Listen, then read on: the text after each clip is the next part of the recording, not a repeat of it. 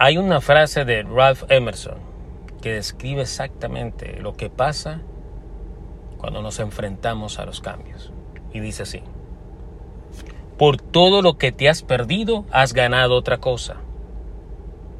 Y por todo lo que ganas, pierdes algo. Hola, soy Freddy Guevara y bienvenidos a un nuevo episodio de Freddy Guevara Talks Podcast. Recuerda esto, se requiere cambios para hacer que un cambio ocurra. Y en ese proceso de cambios siempre vas a ganar algo, pero a la vez vas a tener que perder algo.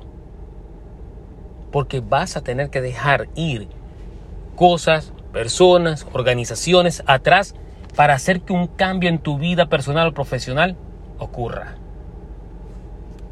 Pero para esto, para que un cambio sea exitoso, tienes que prepararte para liderar ese cambio.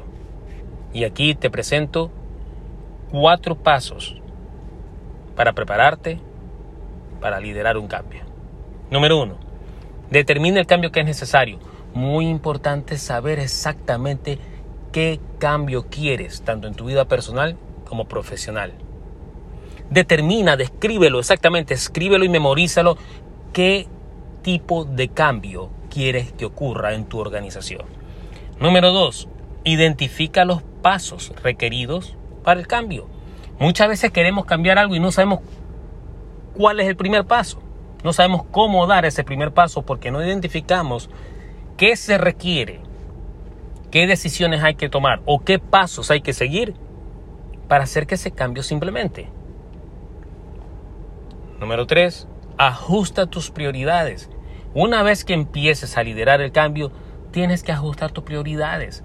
Tu prioridad tiene que ser crear la situación, crear el ambiente adecuado, propiciar los recursos adecuados para implementar ese cambio. Si estás liderando un cambio, ajusta tus prioridades de tal forma que se apeguen a los cambios que quieres realizar. Y número cuatro, notifica a la gente clave para la implementación del cambio. Y esto es muy importante, comunicar. Tienes que comunicarle a la gente clave de tu organización el cambio que va a ocurrir, los pasos que vamos a seguir. Es muy importante que también la gente clave de tu organización esté en la misma página contigo para poder implementar ese cambio. Y si tú vas a ajustar tus prioridades, el resto de tu personal, el resto de la gente clave de tu organización, también tiene que ajustar sus prioridades para implementar ese cambio exitosamente en tu organización. Espero que estos pasos te ayuden a liderar un cambio exitoso en tu organización. Y recuerda, puedes aplicarlo tanto en tu vida personal como profesional. Hasta la próxima.